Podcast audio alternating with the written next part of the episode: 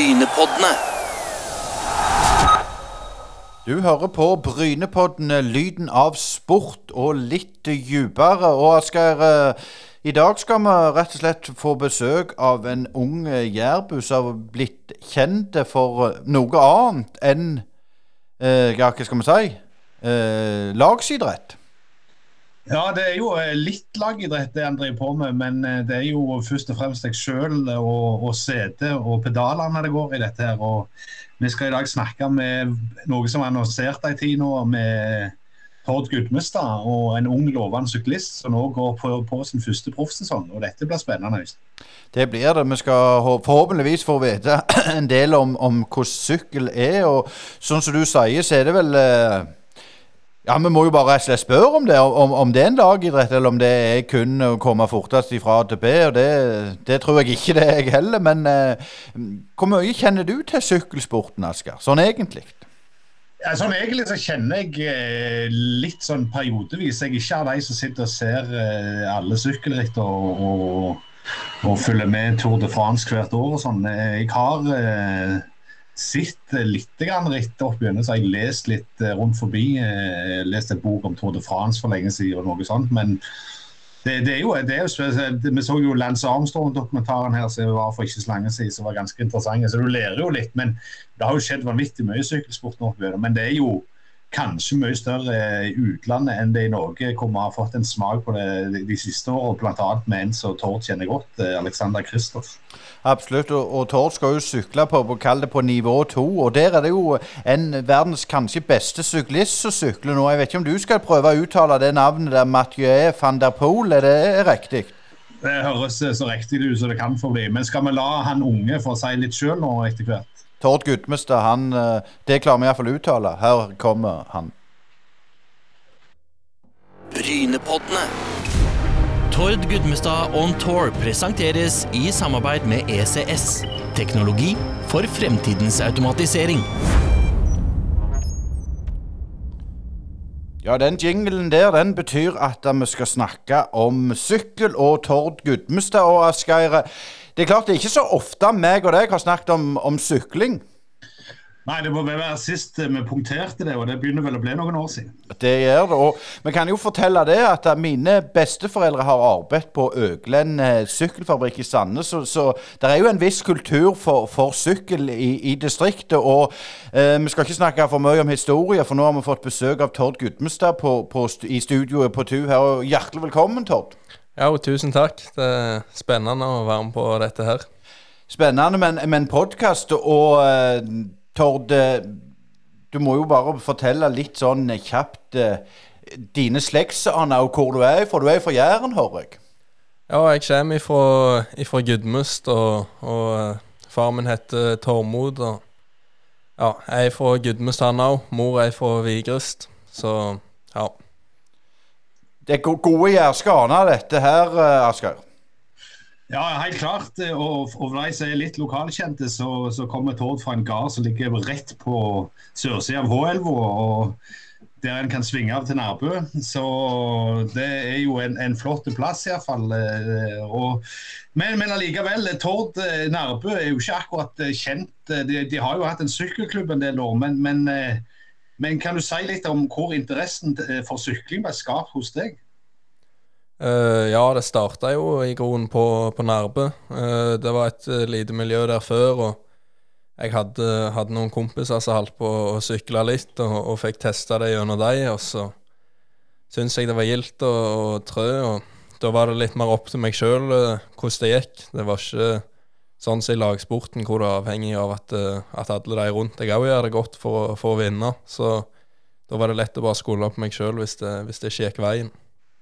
Ja, vi har jo sett at du, du som veldig ung sprang rundt som alle andre unger i disse blå-hvite fangedraktene på fotballbanen og på håndballbanen på Nærbø, som, som de fleste på Nærbø gjør. Eh, Kan du si litt om tid du fant ut at du heller ville drive med en individuell idrett? Ja, det var vel egentlig Når jeg begynte å sykle, så likte jeg det godt med en gang, og kom mer og mer inn i det. og Likte det bedre og bedre, og fikk det bedre og bedre til. og Da gikk det ganske naturlig sånn sett. Vært òg litt uh, tregere av, uh, av å sykle, da. Sånn uh, på håndballbanen og sånn, så da gikk jo det dårligere og dårligere. Så da ble det jo enda mer enklere å ta det valget på grunn av det, da. Men du, du hører jo absolutt til den eh, si, generasjonen av, av unge talenter som, vokste opp med sykkel på fjernsyn, med Tour de France og sånn, som kom på TV 2 etter hvert. Eh, I hvilken grad liksom, var det med å, å, å peke deg inn mot syklinga, eller, eller hadde du ikke noe å si? Nei, altså, jeg likte jo Jeg alltid likt å følge med på all slags idrett, så det har jo sikkert litt å si, men uh, jeg føler ikke det har vært det, det viktigste. Det er mer hvor, hvor, jeg har kost meg og hatt det gildt sjøl, da. Eh, litt tilbake til, til, til Nærbø-tida. Hvem var det som på en måte motiverte deg til, til å fortsette, og når var det du, du følte at dette, dette, kan jeg dra litt lenger enn å bare spille fjerdedivisjonsfotball på, på Nærbø? Nei, altså, jeg har jo alltid vært en med, med gode ambisjoner, og ja, jeg har vel sett fra mest da jeg begynte å sykle, at jeg, at jeg fikk det greit til, og så har jeg òg alltid hatt et, et hode som har lyst til å gjøre det godt og vinne, så ja, jeg har sjelden hatt noe problem med motivasjon og sånn i groen.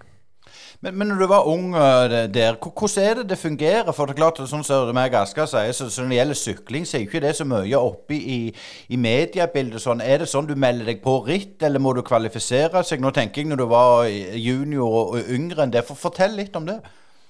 Ja, i starten så er det jo klart det er en sport som koster mye penger og sånn. og ja, du må jo få med deg litt uh, støtte hjemmefra og sånn for å komme deg skikkelig inn i det. Så det tok jo litt tid før jeg uh, på en måte fikk reist rundt på alle ritt jeg hadde lyst til og sånn, da. Men når, uh, når far og de så at det var noe jeg ville og prøvde å få til, så, så ble de med på det. og ja, du, til slutt så begynte jeg i Stavanger da når jeg var sikkert 15-16. og ja, derifra så har det egentlig vært ganske enkelt. Jeg har fått uh, vært med på Altarit og sånn, og ja, du kan i grunnen velge hva du reiser på. Så det har vært, det har vært fint, det.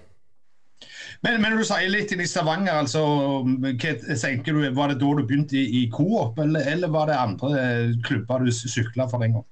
Nei, jeg har hatt eh, en del år i, i Stavanger sykkelklubb òg, så det er jo bare en klubb. Men uh, det er en klubb med gode verdier og, og mange gode foreldre som har vært med og hjulpet opp igjennom sånn for å, for å, få det til å gå rundt og være med på ritt og på treningsleirer og sånn, og gode trenere. Så det har vært godt, det, altså. Men, men litt om, om, det miljøet i Stavanger. Eh, kan du si litt om hvordan dere holdt på å si, la, la opp opplegget? Hvor mange ganger i uka dere trente når, når du var sånn yngre? Ja, altså, vi, vi trente i grunnen eh, godt uh, hele veien, syns jeg. Det, ja, når jeg ser tilbake på, på treningsdagbøkene og sånn, så ser jeg at jeg uh, trente ganske så godt uh, før òg. Ja, vi hadde gjerne en fridag i uka, og så trente vi, vi godt utenom og reiste på leirer og sånn, og så var det gjerne litt mer kosetrening og sånn da når, når, jeg var litt yngre. Men når du sier godt her, Tord, hvor mye snakker vi om i, i, i antall minutter og timer til dagen? Nei, det er litt vanskelig å sette akkurat uh, hva det har vært etter dagen, da. Men uh, i året så har det vært ganske mange uh, timer og sånn alle år. Sikkert ifra oppover 800 allerede når jeg var sikkert nede i 15 år.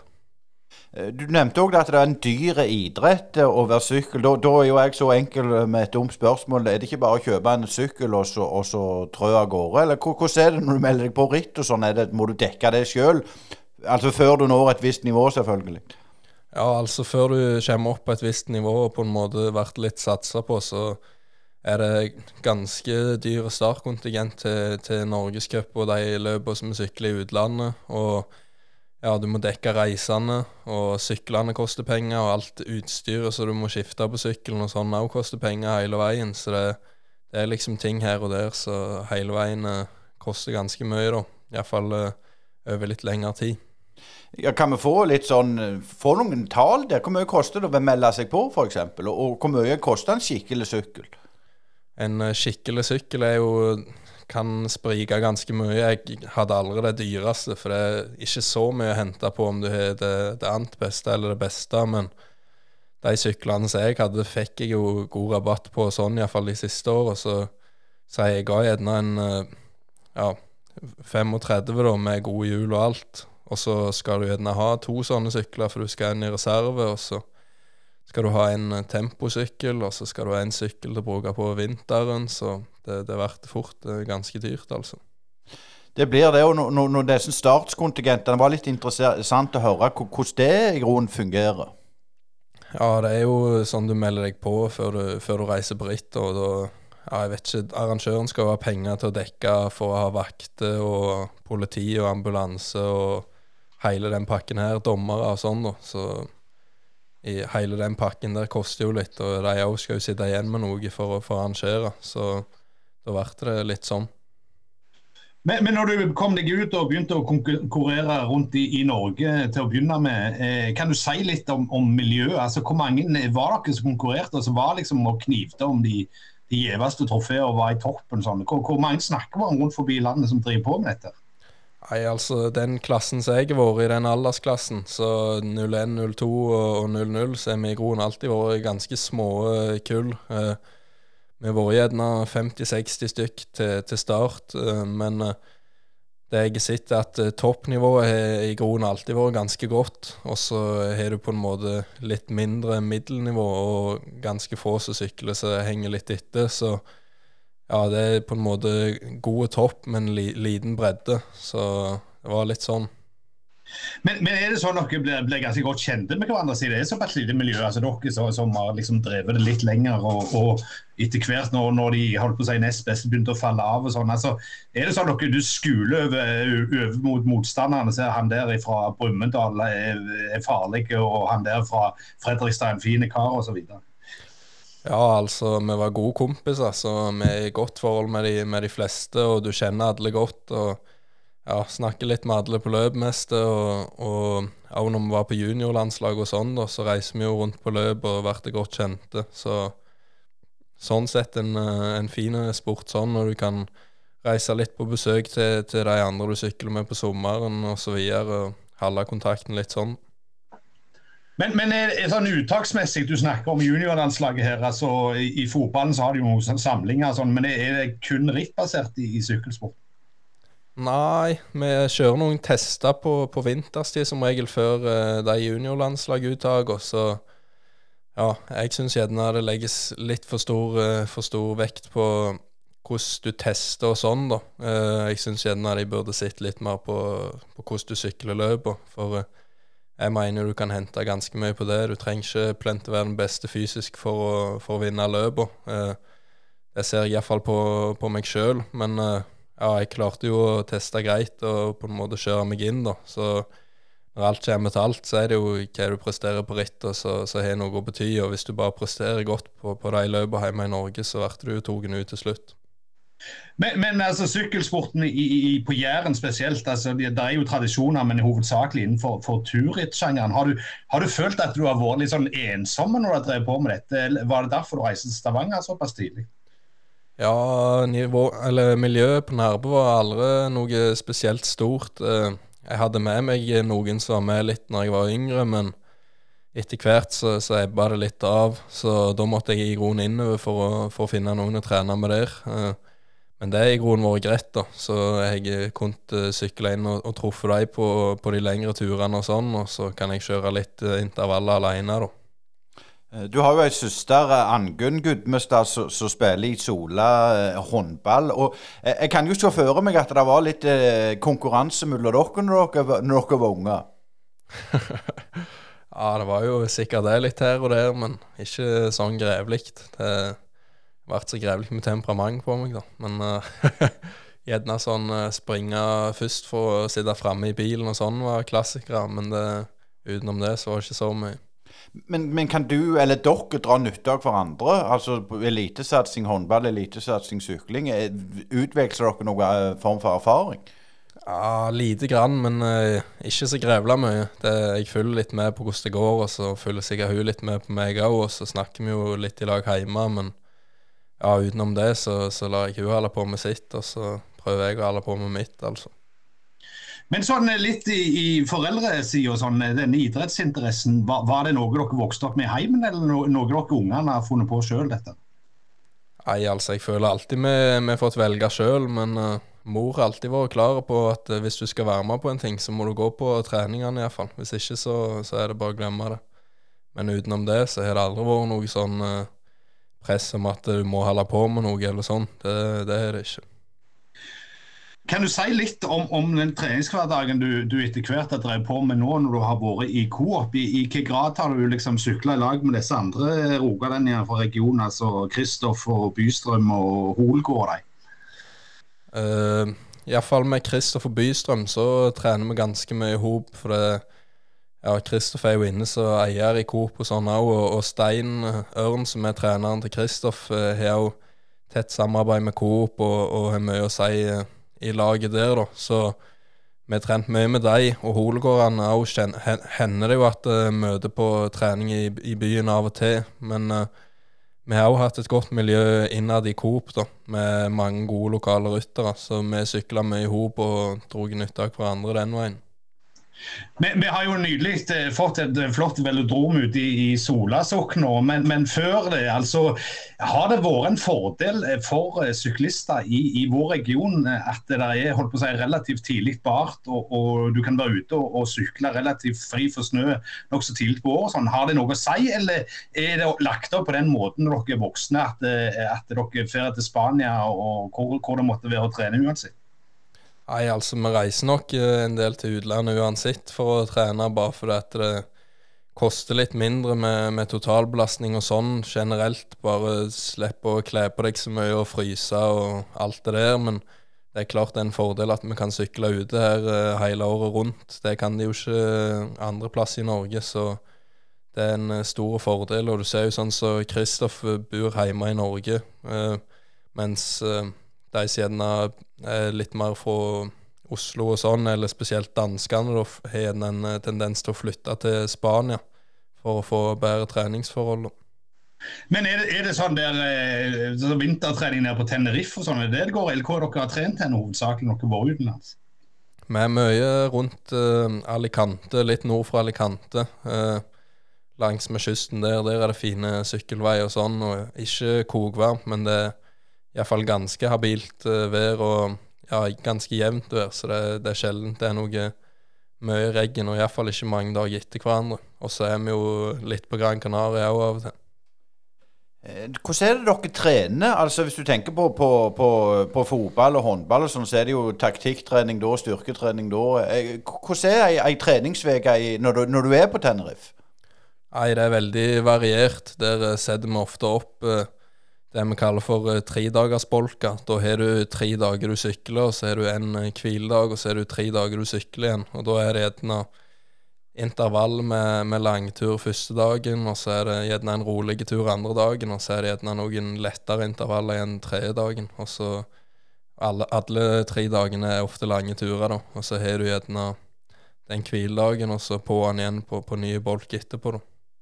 Eh, når du sier lange turer, hva snakker vi om da? Nei, da går det mye mellom fire og seks timer. Hender vi har sju òg, men det er ikke så ofte. Det varierer litt hva lag du er på sånn, og hvordan filosofien er òg. Det er vel akkurat sånn som du pleier, Asker, etter dagen? Ja, iallfall når det gjelder å skrive, men, men jeg trener ikke så hardt som Tord gjør, nei. Eh, men Tord, litt eh, for oss som, som liksom eh, hold, holdt på å si, Vi har jo drevet med, med idrett i ungdommen, vi òg. Og hvis du er ute og springer langturer, så suller jo mye under hodet mens du er ute. og den slags. Hvordan, hvordan er det for en syklist når du er ute på disse langturene? Hva, hva holdt på å si, tenker du på? Ser du på, på, på landskapet? Tenker du på hønene hjemme, eller hva, hva det går i? Nei, altså, når du, når du, sykler med andre, da, så går jo som regel snakket. Og da blir det ja, mye løye snakk, og snakk om eh, litt av hvert. Mens hvis du sykler alene, så går jo tankene litt her og der, og du blir gjerne litt trøttere. Så det er litt gildere å sykle med andre på, på de lange turene. Men, men det skjer det ofte òg at dere sykler på holdt jeg på å si, andre lag som kommer i motsatt retning når dere er ute på disse treningsleirene? Ja, vi treffer ofte andre når vi er ute og sykler. Det gjør vi. Så da gir vi dem et vink, og så sykler vi videre. Vi pleier ikke å stoppe og snakke med dem. Det gjør vi ikke. Så det, så det, er litt sånn som de der MC-folka som bare har den der helsen og så durer på videre, liksom, når dere holder på å trene der. Stemmer det, ja. men, men, jeg har lyst til å, å pense litt over på, på altså Du er jo en, en litt sånn eksplosiv spurtertype og ikke så veldig ulik Kristoff, har jeg hørt. Kan, kan du beskrive deg sjøl som rutter litt? Ja, eh, jeg jobber jo med kapasitet og sånn og jevnt og trutt, så det, det begynner jo å komme seg opp et eh, ganske habilt nivå, altså. Eh, men eh, spurten den er ganske kvass, så ja, i de fleste løyper så er jeg ganske flate, så har jeg noe å gjøre. Og så i tillegg så jobber jeg jo med å bli litt bedre oppover, da, sånn at jeg kan varme inn på litt hardere løp òg. Så på en måte er det litt sånn at hvis du sitter med inn, så, så vinner du. Så det er alltid fordel å ha den spurten i bånn uansett. Så er du alltid farlig så lenge du henger med inn, da. Eh, Erling Braut Haaland, som er ikke så mye eldre enn deg, har jo innført eh, ordet 'dryla' i det norske sportsleksikonet. Men, eh, men, du må vel innføre ordet 'ramskrek', for du er jo kjent for det? ramskrek, ja. ja. det var nye. Men uh, jeg blir jo som regel fornøyd hvis jeg vinner, da. Så da må jeg jo vise litt uh, idrettsglede. Det har jeg alltid lært uh, fra jeg var liten. Og Det betyr at han, han for de uinnvidde lytterne, så, så, vil det si at han skriker seg den galen. Han passerer mål etter han har vunnet. Og, for det må du fortsette med. Ja, det er klart. Jeg må jo ha noen uh, særegne trekk der, så kanskje blir det kjedelig heller. Men jeg kan tenke litt på det som Aschehoug var inne på, det med tanken når du skal trene for å bli bedre på spesifikke ting. Hvor, sånn, hvor, hvor nøye er du i den planlegginga, og er det en trener som terper, følger deg opp? Fortell litt om de mekanismene som er i sykkelsporten på sånne ting. Ja, altså, vi har alle trenere som er med, å følge opp, og så har du noen ryttere som liker å bare få alt eh, sett opp for seg, og så bare gjør de det som står på planen. Og så har du noen som er litt sånn som meg, som liker å være med og styre litt uh, mer i treninga sjøl, og så har et klart tankesett på, på, hva som må til for å bli bedre på de forskjellige tingene. Så ja, jeg har jo et tett samarbeid med en trener, da, og så diskuterer vi og, blir enige om det, det som skal være veien videre. da. Men hvordan går du i gang med den planlegginga? Altså, er du ute, er du forveten, er du på en måte utdanner du deg sjøl, er du ute og leser ting? Hvem, hvem, henter du inspirasjon av eh, når du skal på en måte finjustere, finne det som passer deg? Nei, altså, jeg eh, har jo på en måte vært i kontakt med ganske mange opp gjennom åra. Uh, Sykla i ganske mange år nå. Uh, Sykla en del med Kristoff, uh, sykla en del med andre gode. og så føler jeg det handler om å finne en liten balanse og, og, ta litt av de beste tingene fra, fra alle plasser, og så prøve å, å lage til et, et godt uh, totalopplegg, men på en måte finne en, en filosofi du følger, og ikke hoppe for mye fra det ene til det andre, men, men stole på det du gjør. Og jeg husker spesielt når jeg var yngre, så var jeg alltid uh, voldelig sånn at jeg tenkte mye er dette det rette for meg, og, og, er dette veien å gå nå hvis jeg skal være best mulig og sånn. Men etter hvert så jeg eh, har holdt på litt, så, så, slår du litt mer til ro med at det du, det du, gjør, fungerer, og du har sett, eh, sett resultatet av det kommer og sånn. Og nå føler jeg egentlig jeg har et godt bilde på, på hva som må til for å ta de stegene, da. Når du sier mål, det er jo viktig at du får bekreftelse på det du trener på, at det lykkes. Altså, Hvordan er bekreftelsen i sykkelsport? Det, du var inne på det, det er jo ikke bare det å sykle fortest fra A til B, det er ganske mye imellom der. Ja, det er klart. Og så har vi mye måleverktøy når vi er ute og sykler, sånn som så vatt og sånn, da. Også laktat for, for, den slags skyld, selv om vi ikke bruker det så mye. Så den vatten er jo på en måte det, det du bruker mest, da. Eh, så det handler jo mye om å heve den, da. Og òg utholdenhet og, og, spurt og sånn, så det er jo litt, litt forskjellige ting. I styrke, styrkerommet så prøver du alltid å være litt sterkere. Så ja, det er flere på en måte barometere du kan bruke for, for å måle litt eh, progresjon hele veien, da. Men uh, i det store og det hele så, så, er jeg ikke i tvil om at det, det aller viktigste for å utvikle seg over tid, er jo å ha god kontinuitet i arbeidet. Uh, jeg tenker på andre idretter. Altså jeg var inne på, på Angunn som spiller håndball. Men uh, i, i sykkelverdenen, er det sånn at dere plutselig spiller fotball eller tennis eller i badebasseng? Uh, eller er det mye bare på landeveiene? Styrke har du jo selvfølgelig nevnt, men det er andre ting dere gjør? Nei, sånn sykkelmessig så er det, det er klart det er mest sykkel og styrke. Før så hadde vi ofte innebandy en gang i uka på vinteren for å koble litt av, men nå har det vært litt av og på med, med koronaen. Men det pleier vi i Groen ha for å ha litt variasjoner, og så er det godt for, godt for ledd og, og sånn. Så det er fint eh, for å holde seg eh, skadefrie, da. Men, men Tord, jeg har litt lyst til å altså, opplyse allmuen litt her. Altså, Sykkel er jo mye mer eh, lagsport i hermetegn enn en folk tror. Eh, når du sykler for et lag, så har jo alle ulike, oppgaver. Kan du, kan du, forklare litt for våre lyttere, f.eks. I, i det laget du har sykla fram til nå, altså Coop, eh, hva funksjoner de ulike funksjonene i et lag er for noe?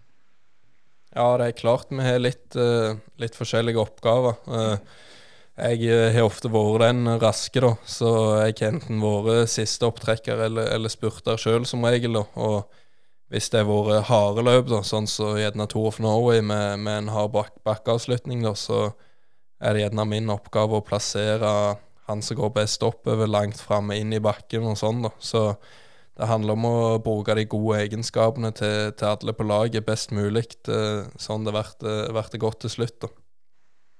Men, men, det nytter ikke å være holdt på å si, eh, stor og ha masse muskler hvis du f.eks. skal være en klatrer.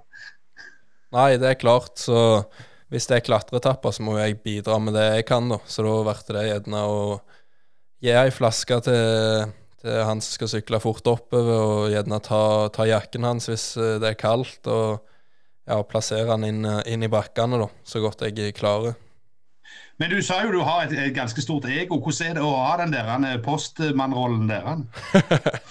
Nei, altså I Coop så, så, føler jeg ikke jeg har det store egoet. Der prøver vi å dele litt på, på, ansvaret. For der er det jo på et sånt stadie at alle prøver jo å, ta steg videre og bli proffer. da. Så da har det vært litt viktig for meg å, å la de andre få sjansene sine òg, selv om det gjerne har vært en flat dag. At de kan prøve å rykke og prøve sin lykke hvis de vil. da, så hvis vi ser at det ikke går, så, så samler vi oss selvfølgelig rundt meg da, og går all inn på det, men at de har sin sjanse i forkant iallfall. Men når det gjelder det med rollen i lag, altså i, i, i, i lagspill, så, så, er det jo viktig å trene på rolletrening. Er det noe dere trener på? Altså, jeg trener jo litt på å spurte, da. Det, det er viktig at uh, den iallfall sitter. Så ja, jeg eh, liker å levere når, eh, når lagkameratene gjør en god jobb. Så det er kjipt eh, hvis du ikke vinner, hvis du blir perfekt levert. Så det er litt viktig for meg, iallfall. Men, men bare avbryte det når du sier perfekt levert. Det det er liksom det jeg prøver å tenke på. Når, dere, når du sier et perfekt levert, hva innebærer det? Hvor mange parametere må til for å lykkes? At oi, dette var bra, gutter? Nei, altså det er ekstremt komplisert. Uh, i opptrekkene der så er det ofte ekstremt mange gode lag om beinet, og mange som prøver å sitte langt framme og feite om uh, posisjonene. Så jo mindre lag du er, jo vanskeligere vil jeg si det er. For det er mye hierarki i sykkelsporten. Hvis du er det minste laget, så, så er du òg de som blir skutt først vekk og, og kjefta på. Så det er klart, eh, du må bare ta litt uh, den plassen uh, du vil ha, og så ikke bry deg for mye om det. Men det er ikke bare bare på Team Coop å heve seg mot, eh, mot, de store guttene. Så det tror jeg blir litt eh, bedre neste år, da. For det er litt hierarki, er det det du sier? Ja, det er voldelig eh, hierarki og mye uskrevne regler på hva du kan gjøre og hva du ikke kan gjøre og sånn, da. Så hvis du ryker på noe av det der, så blir du hudfletta av de, de store karene. Men da gjelder det jo bare å være eh, kokk i Jærbu og si 'flytt deg, gutter, om jeg skal fram'. Men, men, altså, du skal jo begynne nå en ny sesong i, i et av de norske slash skandinaviske profflagene som, som finnes, altså Uno X. Og dere er jo på det såkalte nivå to, altså UCI Pro-team, som det heter. Kan du fortelle litt om det hierarkiet òg, altså hvordan det fungerer? Er det litt sånn uh, tippeligaen, Obos-ligaen, dette? Nei, det vil jeg ikke si. For at uh, Uno X er jo uh, faktisk Norges uh, første profflag gjennom tiende. Så det, den satsinga de setter i gang, er jo ekstremt stort. Og de legger mye penger i det, og det er en fantastiske og stor satsing. Så jeg er glad for å være med på det. for den øverste divisjonen er jo på en måte verdensdekkende. Lag fra, for hva land det måtte være, er jo med i den. og du har vel neste år 18 lag i, i den største ligaen, og så har vi 19 i den som Uno X er. Så det er ikke så, så langt opp, altså. Vi er vel ranka som nummer 22 eller 23 i år, tror jeg. Så eh, jeg vil påstå det er ganske bra nivå på det. Vi skal komme litt tilbake til hva slags gulrøtter dere eventuelt kan, kan oppnå i løpet av 2022, eh, som forhåpentligvis blir et litt mer normalår enn de to foregående. Men jeg, jeg har lyst til å spørre deg litt hvilken rolle du har fått forespeilt deg du skal ha i, i UnoX-lag? Ja, det er nok eh, litt varierende. Det er klart du må jo ta steg og lære litt, men eh, først og fremst så tror jeg de har lyst til å dyrke X-faktoren min videre og ha meg med som spurter. og at jeg skal få mine sjanser der og skal få utvikle de egenskapene videre. og Prøve å, å kjøre inn eh, en del gode resultat for dem. Eh, har du, har du bilde av Kristoffer Halvorsen, som er spurteren deres i dag, på veggen og sier at han skal jeg danke ned av pallen? Nei, jeg er ikke det, altså. Jeg er ikke det. Vi, vi er greie kompiser vi, altså, så jeg føler jeg har vært greit kjent med han når vi var i Spania. Så jeg tror det går ganske naturlig. Det er litt å, å ikke hake med på alle de samme løpene, men uh, at vi kan bytte litt på det. Og så ja, tror jeg gjerne at uh, jeg er en bedre opptrekker enn det han er. Jeg tror ikke han uh, er helt den typen til å kjøre det siste opptrekket. Han er mer en ren spurter, mens jeg kan gjøre litt mer begge deler. Så ja, jeg tror ikke det blir noe problem men når du nevner det for, for den uh, uinnvidde, så, så, vil en jo tenke at, at sykkelsporten det er én person uh, som sykler fort. Uh, men, men, laget, og, og, det betyr jo vanvittig mye. Men, men hvor mye teamarbeid og lagarbeid bruker dere i treningsøyemed for å bli bedre i sammen? Nei, altså Det er jo en del teambuilding når vi er på treningsleir og sånn, og vi har jo vært på sånn kickoff med laget òg for å bli bedre kjent og, og mer sammensveisa gjeng. da, så det er klart det er mye å bety, og du vil jo at de skal yte maksimalt for deg, og at du òg skal yte maksimalt for deg. Så da er det viktig at du alltid unner lagkameratene dine det beste, og, og, gjør det du kan for at eh, de andre skal lykkes. da. Så du tar ikke å punktere sykkeldekket til Kristoffer Halvorsen for å få, for å kjøre sjøl, altså? Nei. Nei, kanskje det. Men, men Tord, litt tilbake til, til selve sesongen. altså Nå er du jo eh, hjemme på juleferie, som seg hører og bør i, i alle idretter omtrent, utenom eh, noen få. Men, men, kan du si litt om, om liksom, hvordan det begynner når det drar i gang nå i januar og, og fram til sesongslutt? Hvordan, hvordan er året deres? Ja, altså Nå er det jo en treningsleir som venter midten av januar med laget. Og så reiser vi direkte ifra, ifra treningsleiren og på, på første ritt, iallfall jeg, da. Eh, med den foreløpige rittplanen jeg har fått, så reiser jeg rett til, til Tyrkia um, i månedsskiftet januar-februar og, og, kjører noen løp der. Og så går det slag i slag fram til mai, og så er det vel en liten pause der, tror jeg. Og så er det jo litt mester, nasjonale mesterskap og sånn, og så går det vel i grunnen slag i slag fram til, til, slutten av sesongen, da. Så er vi vel ferdige i oktober, midten av oktober, noe sånt. Men Kan du si litt mer om, om rittplanen? Altså, vet dere allerede nå hva, hva dere skal sykle? Kommer dere til å være med, med, i noen av de store torene, sånn, eller er det fremdeles kamp om plassene? Nei, Det er ganske uklart ennå akkurat hva ritt vi kommer til å få på, på kalenderen. Eh, jeg har fått en foreløpig rittplan nå, sånn som det ser ut, men det kommer nok til å komme mye endringer på den. Eh, og så er det litt sånn de prøver å snakke med, med de forskjellige arrangørene da, for å komme seg inn uh, på forskjellige store løp, men det er lite garantier ennå. Så jeg vet at de prøver å snakke med, med ASO, som er arrangør av, av ja, Tour de France og Paris-Nice og de løper her. Og så prøver de òg å snakke med de som har de store klassikerne i Flandern. Og så handler jo om å bygge opp et godt forhold, og sånn du får de rittene. Om ikke i år, iallfall, så på, på sikt iallfall. Men, men hvor mange den kommer du til å få i år? Og, og Kommer du til å holde på å ligge hjemme og trene noe hjemme, eller blir du på en måte vekke hele sesongen? Ja, Jeg regner med det blir en liten pause fra ritt hjemme her og der, bare for å holde hodet klart og sånn, og være klar til å, til å gi gass når du faktisk er på løp. da, For det er litt viktig å, å ha hodet på rett plass. Uh, men uh, det har vært ganske mange reisedøgn, ja. Jeg uh, tror nok det har vært over 200. Ja, nå 200 reisedøgn der. Du, du, er jo ikke så gamle karen. Hvordan, er det med skolegang, og hvordan klarer du å kombinere det? Nei, jeg eh, studerer ikke noe, jeg.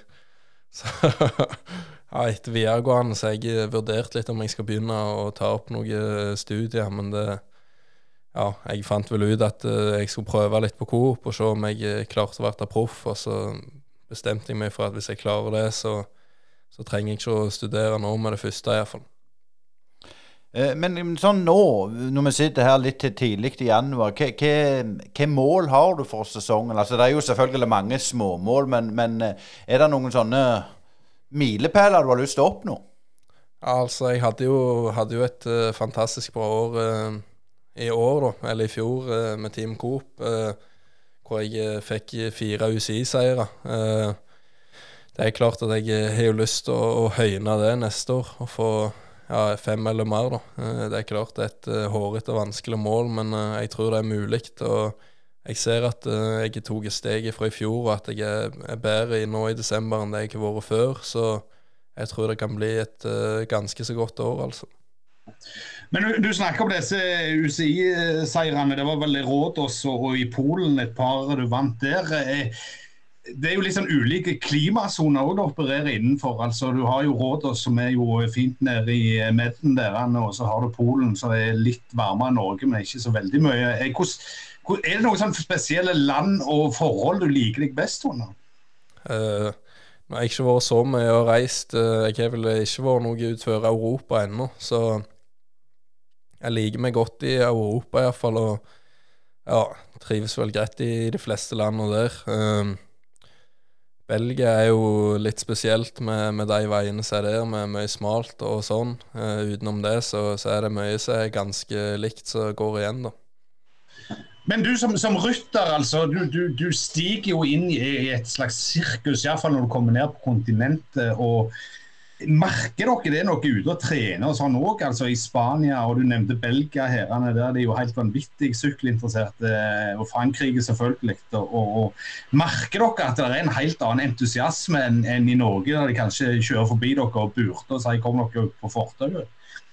Ja, altså det er, det er nok litt forskjell. Eh, men sånn så hvis du er i Belgia, så er det ekstremt enten-eller, jeg har funnet ut. Det har vært litt sånn eh, Enten så burte de på deg og rasende, eller så, så liker de deg kjempegodt. Så jeg tror eh, det er nok noen i Belgia som har fått nok av sykling, og så er det nok andre som liker det kjempegodt. Det er det inntrykket jeg har, iallfall. Men hva, hva tenker du da i, i eh, Når begynner du å snakke om Tyrkia her? Hva slags ritt er det snakk om der nede?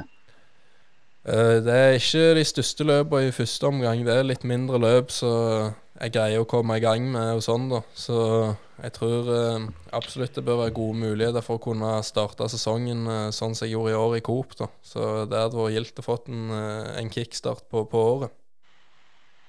Men, men hva tenker du sjøl som, som rytter? Altså, hva, hva liker du best? Er det torene eller er det disse klassikerne som, som liksom er, er Tor Gudmestad sine favoritter når du, når du har sittet fra utsida?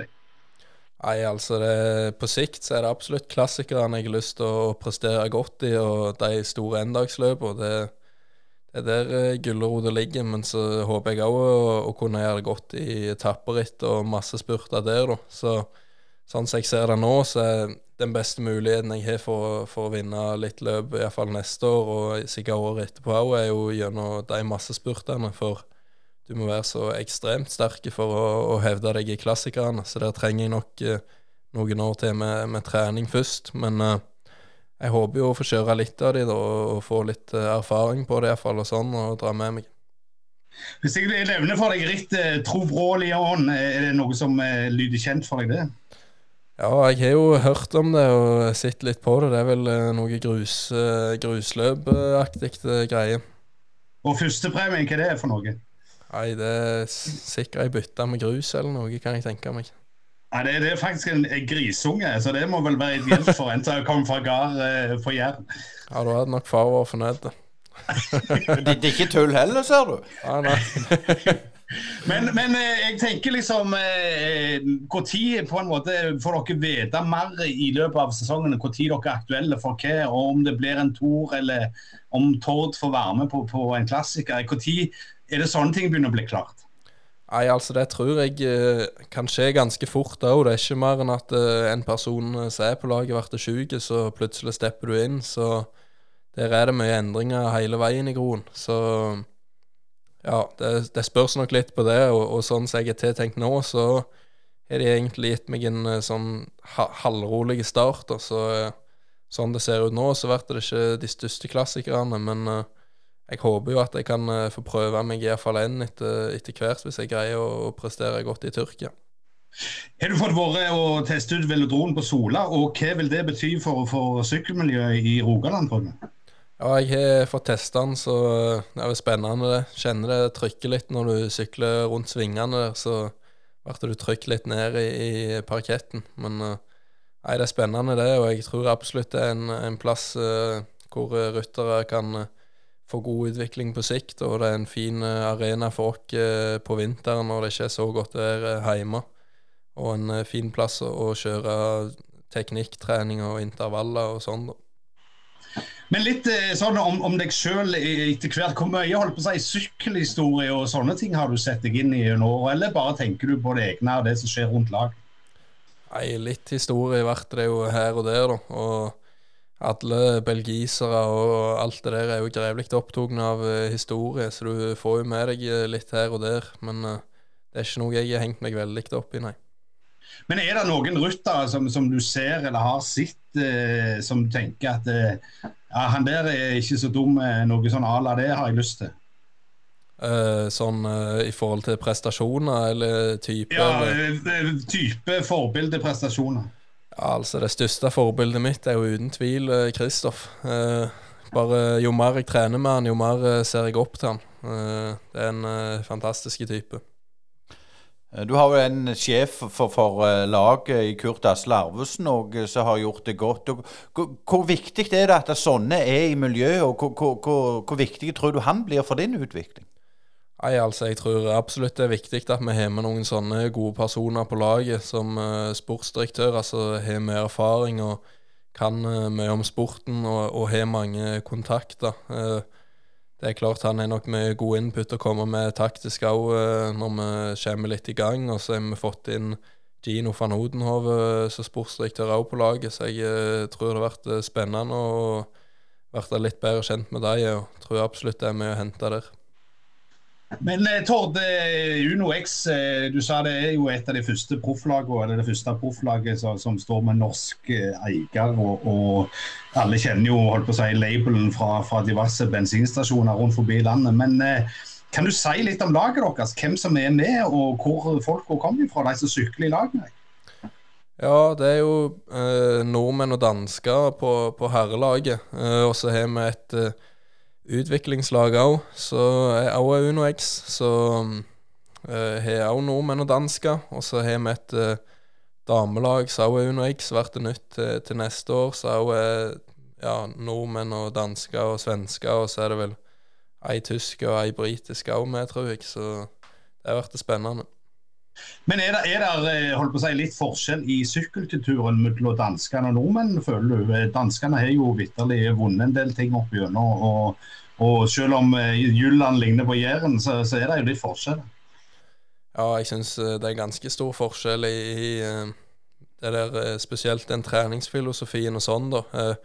I Norge så har vi nok til vane for å trene grevlig mye i ja, no november, desember, de månedene der. Mens i Danmark så, så virker det som de tar det litt mer med ro, og så starter de skikkelig i gang igjen i januar. Eh, mens i Norge så er det litt, eh, litt, mer treningskultur, og at du må jobbe godt eh, hele veien. da. Så jeg tror nok vi nordmenn trener en del mer timer og sånn enn eh, de i Danmark. Men eh, det er klart, eh, du ser jo at begge deler fungerer jo ganske godt. Men, men sånn på de årene du har vært i toppsjiktet sjøl, kan du si litt om hva, si, hva ting du har endra på i, i din eget treningsopplegg, og litt òg om teknologiske nyvinninger som har vært på de få årene du har si, skrapt opp i toppen? Uh, ja, uh, jeg har vel egentlig holdt meg eh, ganske på, på samme bane som jeg alltid har vært. Endra litt på, på hva intensitet jeg kjører mest på intervallene på, på vinteren primært. og Gjerne skrudd ned litt på, på, intensitet og kjørt litt mer eh, på, på terskel og litt under terskel, eh, i plassen for å kjøre så mye maksintervaller. Um, men samtidig så kjører jeg jo litt av det òg for å holde ting litt ved like. Eh, Så det er vel det jeg endrer mest. Og på, på styrketreninga så kjører vi vel egentlig ganske det samme som før. Og jeg ser at jeg har vært eh, sterkere og sterkere for eh, hvert år. Så ja, jeg syns eh, så lenge jeg føler jeg er i god framgang og sånn med det, så kommer jeg nok til å holde meg sånn noenlunde til det samme, iallfall. Jeg prøver å følge enkle prinsipp og, og trene godt og ikke gjøre det for vanskelig, men bare gjøre det jeg skal og passe på at totalen blir god. Når du nevner det med, med, å gjøre det enkle, sånn mental trening, er, er det fokus på det? For det er klart dette er jo en beinhard Du må jo være hard i hodet skal du sitte syv timer på sykkelsete hver dag. Ja, vi har faktisk fått inn Eller de har mentaltrenere i UnoX, da. Så det har vært spennende å begynne å arbeide litt mer med det. Uh, jeg føler jo at jeg har et ganske godt konkurransehår fra før av, men uh, spesielt gjerne på sånne ting så holde hodet kaldt underveis og ikke være så sint og tenne for mye på småting er nok uh, ting som jeg uh, har en del å hente på. da. Så det ble spennende å se hva jeg kan få ut av det. Ja, du vet, Å, å kverke et par høns er jo god eh, aggresjonsfordrivelse. men, men Tord, jeg har lyst til å spørre deg litt sånn, holdt på å si, før du skal ut i, i et ritt. Bruker du sånn, Dere sykler vel som regel gjennom løypa på forhånd, og den slags, men er det noe sånn Bruker du noe sånn visualiseringsprinsipp og sånne ting? Ja, men det er ikke så mye visualisering de dagene før. Det er mest sånn som nå, når jeg sitter inne på, på rulla i kjelleren på vinteren og på en måte må ha ei gulrot å, å, jobbe mot, så er det mye visualisering og, og tenking på, på, hvordan jeg skal gjøre de forskjellige løpene som kommer, og, og hva mål jeg har. da. Eh, men når jeg sitter der dagen før og sånn, så syns jeg det går mye på å prøve å tenke så lite på det som mulig for å hvile hodet litt, og, og sånn, sånn du har den, den killeren i hodet når, når, du trenger den når eh, det er hardt på løpet, og at du ikke er helt utlada mentalt når du starter. Men litt om, om målet tilbake til Hvilke mål har du sett deg for denne sesongen, og hvilke mål har du på litt lengre sikt? Målet på denne sesongen her er, som jeg sa, å få mer enn de fire seirene i fjor. da. Eh, Utenom det så syns jeg det er litt vanskelig, for jeg ikke vet helt hva løp jeg skal sykle og sånn ennå. Men det er jo å ta nivået og, og komme meg opp et uh, hakk fysisk uh, og de små tinga der, da. Uh, utenom det så syns jeg det er litt vanskelig å sette noe sånn skikkelig konkret. men for framtida så er det òg å, å bli god i klassikere og, og fortsette å ha den spurten, da. Men, men, i fotballen så er det jo alltid en debatt på om du skal holde på å reise til utlandet tidlig eller vente. Er, eh, er det noe lignende i sykkelsporten? Er det, er det greit å være liksom et miljø, et skandinavisk miljø til å begynne med, og så eventuelt ta steget ut til et av de større profflagene lenger nede på kontinent? Ja, altså jeg syns det er ekstremt uh, greit å være på UnoX, der du kjenner mye av folk. og Det er trygt, og du får god tid til å utvikle deg, og de har på en måte en fin uh, filosofi på det. da. Uh, hvis du reiser til utlandet, så blir du litt mer eh, hevende ut til ulvene, og du får ikke velge helt hvordan du vil alltid. og Det er litt mer uh, mye den harde skolen, da. Uh, men det hadde absolutt vært tøft og spennende å prøve det òg. og jeg var jo i dialog med ganske mange lag i groen tidligere i år, men ja, jeg er grevlig glad for at det ordna seg med Uno X, og at de fant en plass til meg da, til slutt. Eh, til slutt eh, vil jeg spørre deg om, en litt sånn mer eh, personlige ting. Altså, Vi vet jo håndballguttene som du sikkert kjenner flere av på Nærbø, får jo mye oppmerksomhet. Andre som spiller lagidrett, får mye oppmerksomhet. Du vil kanskje få litt oppmerksomhet hvis du vinner en klassiker. Men, men er det vanskelig å hele veien være i skyggen av media, ikke komme så mye fram og kanskje bare være litt i fagmagasin og sånn? Er er det en utfordring, selv om du legger ned kanskje mye flere timer enn de andre gjør? Nei, det syns jeg går helt fint, altså. Jeg føler, føler jeg får den eh, PR-en jeg skal ha. og ja, det, Hvis jeg får til noe godt, så, så syns jeg at det, det kommer greit fram, det. og ja, Nei, jeg har ikke noe problem med det. Jeg eh, syns det er godt å følge med på, på Nærbø og sånn sjøl òg, så det er ikke noe problem. Du er ikke misunt når du er jærbu, vet du. Men jeg tenker litt sånn Uno X eh, for, for, for, eh, for uh, Fotballspillere tjener pengene, de kommer høyere opp. Er det sånn at det er penger i sykkelsporten òg? Blir du lønna, eller lever du på sponsorer og egne midler? Ja, nå når jeg kommer til Uno X, så, så blir jeg lønna. Det, det gjør jeg, så det er et kjempegodt opplegg med De har regler for minstelønn og sånn i det internasjonale sykkelforbundet da, når du skal være på pro-team eller, eller øverste hylle. Så der har du på en måte et visst bondnivå så du må, du må følge på alle rytterne hvis du skal være, i det nivået. Eh, mens på Team Coop så var det jo litt mindre. Der var det litt mer eh, lommepenger og sånn, og du måtte Ja, der hadde jeg litt eh, mer privat støtte og sånn, og, og sånn for å klare meg. Mens nå ble det mye bedre i Uno X. Men eh, det siste spørsmålet fra meg. Jeg regner med det er DBS-sykkel du bruker? Nei, Uno X er faktisk et uh, merke som heter Dare, som vi bruker. Så det er gode sykler, og de, de er heller på å utvikle nye. Og ja, jeg syns de, de virker innovative og virker som de prøver å satse på for, for å lage det nye gode. Da. Så jeg syns det er spennende, det. Ja, Asker, vi er jo faktisk veldig stolte og ydmyke at vi får lov å følge Tord eh, Gudmestad på tur eh, i, i, når han skal være på ritt. Og, og eh, ja, skal vi bare si tusen hjertelig takk for at du stilte opp i, i Brynepodden, Tord. Ja, og eh, takk for at jeg fikk eh, være med. Det var, var gildt og spennende å teste dette her òg. Brynepoddene. Tord Gudmestad On Tour presenteres i samarbeid med ECS. Teknologi for fremtidens automatisering.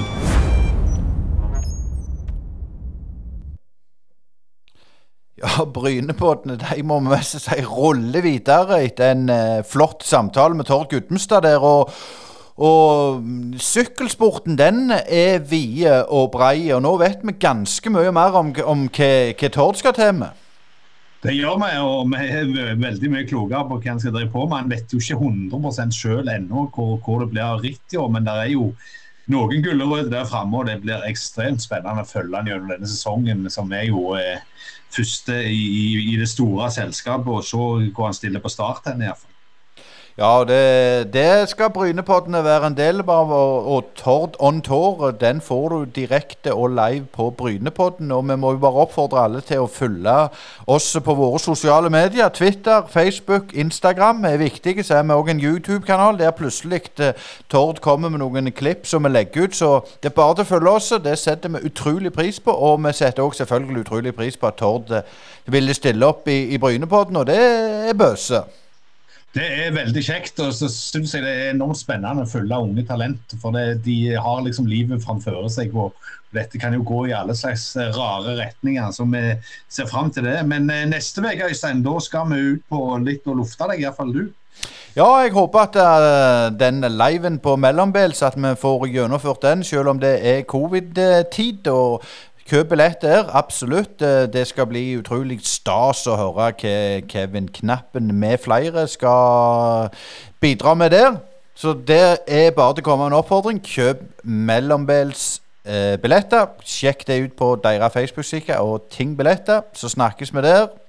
Det var det vi hadde for nå i Brynepoddene i denne omgang. Brynepoddene.